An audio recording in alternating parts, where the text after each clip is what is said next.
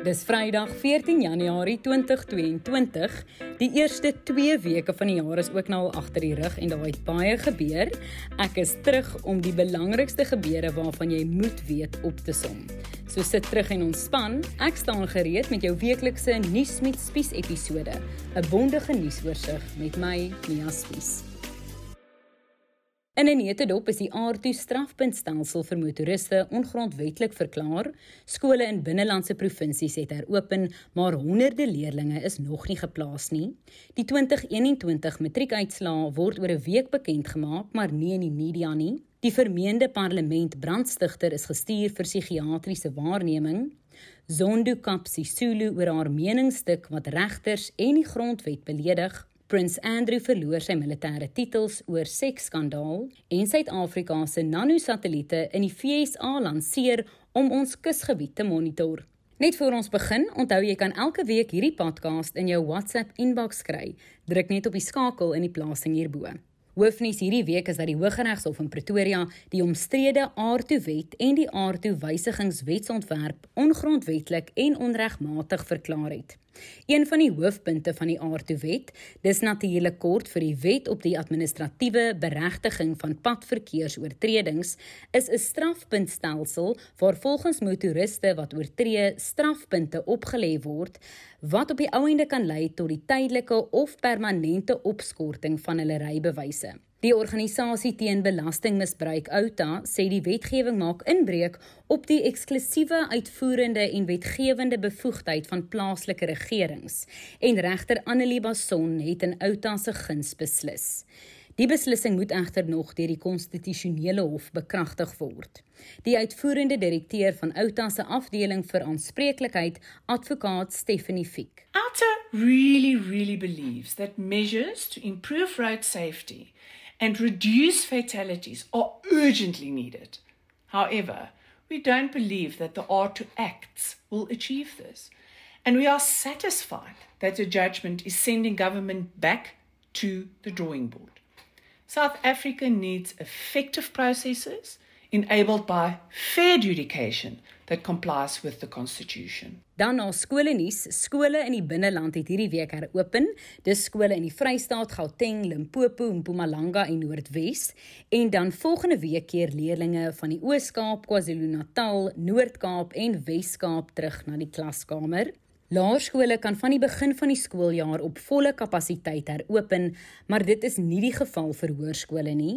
Die direkteur-generaal van basiese onderwys, Hubert Mweli, sê die pandemie het reeds sy tol geëis op leerders. There is a projected 700,000 uh, number of learners who might have dropped out of the system as a result of uh, of of COVID-19. Intussen was die plasing van nuwe leerders weer vanjaar problematies, onderwysminister Angie Motshekga. We have been able to place the majority of our learners, but provinces like Gauteng, partly Western Cape and some areas in KZN, in your urban areas like in, in Durban, we are still dealing with some problems, but provinces have assured us that they're doing everything in their power, and that's why we're appealing to parents to allow provinces this week to clear off and settle those that have been admitted and those that have places. And from there, we'll be able to identify any possible places to place other learners. I know it's not very comfortable for learners, for parents to know that when Tuesday other learners are going to schools, their children are not going to school. But we are committing that by law we are compelled to find spaces for every child. So it's not their burden alone it's our responsibility also to make sure that we find places for all the learners. In Gauteng het die onderwys LER Penyaza Lesofie om verskoning vir ongeplaaste leerders gevra. Lesofie sê alle graad 1 en 8 leerders wie se ouers aanlyn aansoek gedoen het, maar nie spasie by skole gekry het nie, moet almal teen vandag geplaas word. We received 102,000 new learners in our province. And if you check 102,000 new learners, it means we need to build 100 new schools.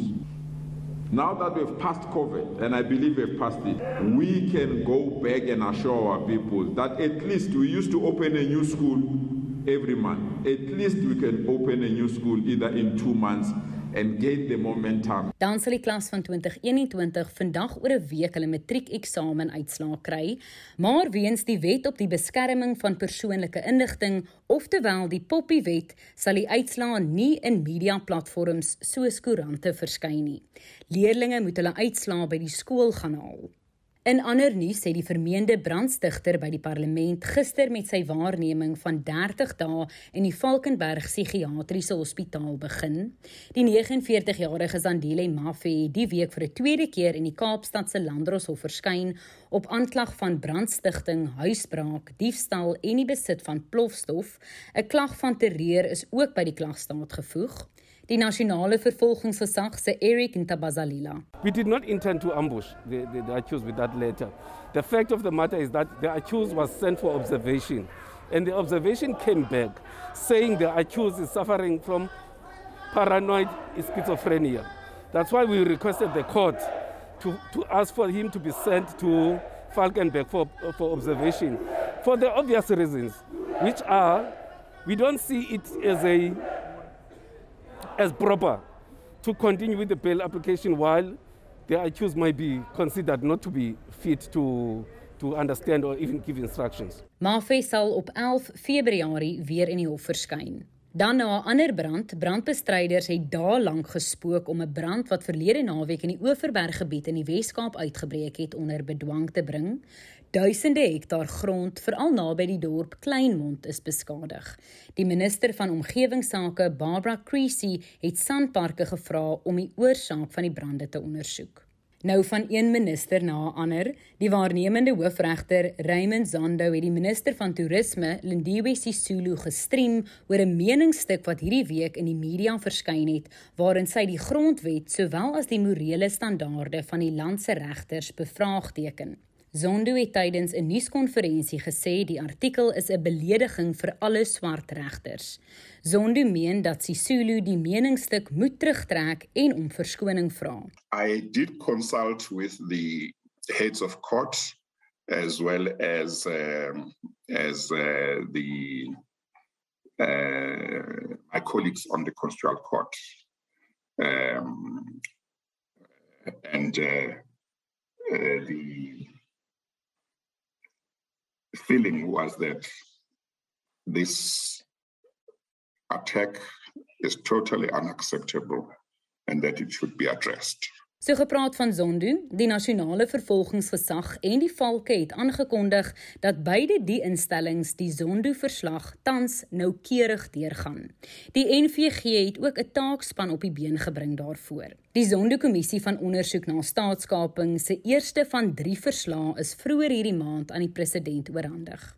In Johannesburg is 'n vyfde veiligheidswag in die hospitaal dood na 'n skietery by 'n stortingsterrein wat aan die Johannesburgse vullisverwyderingsdiens Pick It Up behoort.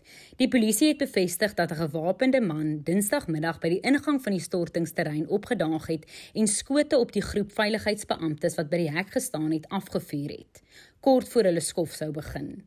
Vier van die mans is op die toneel dood verklaar en 'n vyfde later in die hospitaal en twee ander sterk in die hospitaal aan. Niemand is nog vasgetrek nie. Dan kort in COVID nuus, Suid-Afrika is steeds in die 4de vlaag van infeksies, maar in die Wes-Kaap is hospitaalopnames tydens hierdie vlaag heelwat laer as tydens die 3de golf. Die Wes-Kaapse gesondheidshoof, Dr Keith Kloete, sê dit is as gevolg van die hoë vlakke van beskerming onder die inwoners, grootliks danksy inentings. We are now seeing a decline in cases in the fourth wave in the Western Cape. We still have high numbers of active cases, so we urge everyone to vaccinate, wear a mask, avoid enclosed spaces, gather outdoors to contain the spread until we exit the fourth wave. The early evidence on Omicron is emerging, indicating lower prevalence of severe cases for hospitalization and death. This is mainly due to vaccination increased infection, as shown by our data.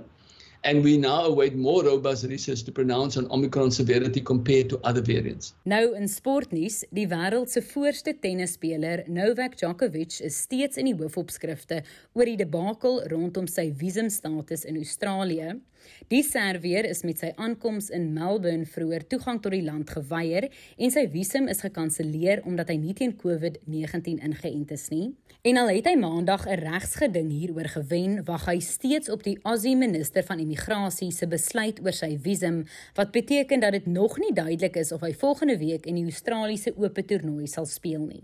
In ander buitelandse nuus, die siviele saak van seksuele aanranding teen Prins Andrew van Brittanje sal steeds in die hof aangehoor word nadat sy pogings om die saak geskraap te kry hierdie week misluk het. Dit beteken dat Prins Andrew later hierdie jaar in Amerika in 'n hof sal verskyn oor die beweerde seksuele aanranding van 'n vrou toe sy 17 jaar oud was. Buckingham Paleis het intussen aangekondig dat die hertog van York sy militêre titels en koninklike beskerming aan sy ma, koningin Elisabeth, moet teruggee. Dan eindig ons met nuus van nog verder. Suid-Afrika se ruimteprogram het hierdie week 3 plaaslik vervaardigde nanosatelliete lanseer. Dit vorm deel van die regering se maritieme bewustheidsprogram en sal onder meer die beweging van skepe langs ons kusgebied monitor. Hierdie satelliete wat hier op die Afrika vasteland ontwikkel is, is deur die Suid-Afrikaansgebore Elon Musk se maatskappy SpaceX in Florida in die buitenste ruim ingestuur. Nou dat jy op hoogte van sake is, is jy reg vir die tweede naweek van 2022. Nuus met Spies se produksie in samewerking met die Potgooi Produksiehuis Volume. Ons vervaardigers is Roland Perolt, Andy Siwe en Karen Blau en Curtis Kahl het soos altyd ons kenwysie gekomponeer. Ek en jy gesels dan weer volgende Vrydag.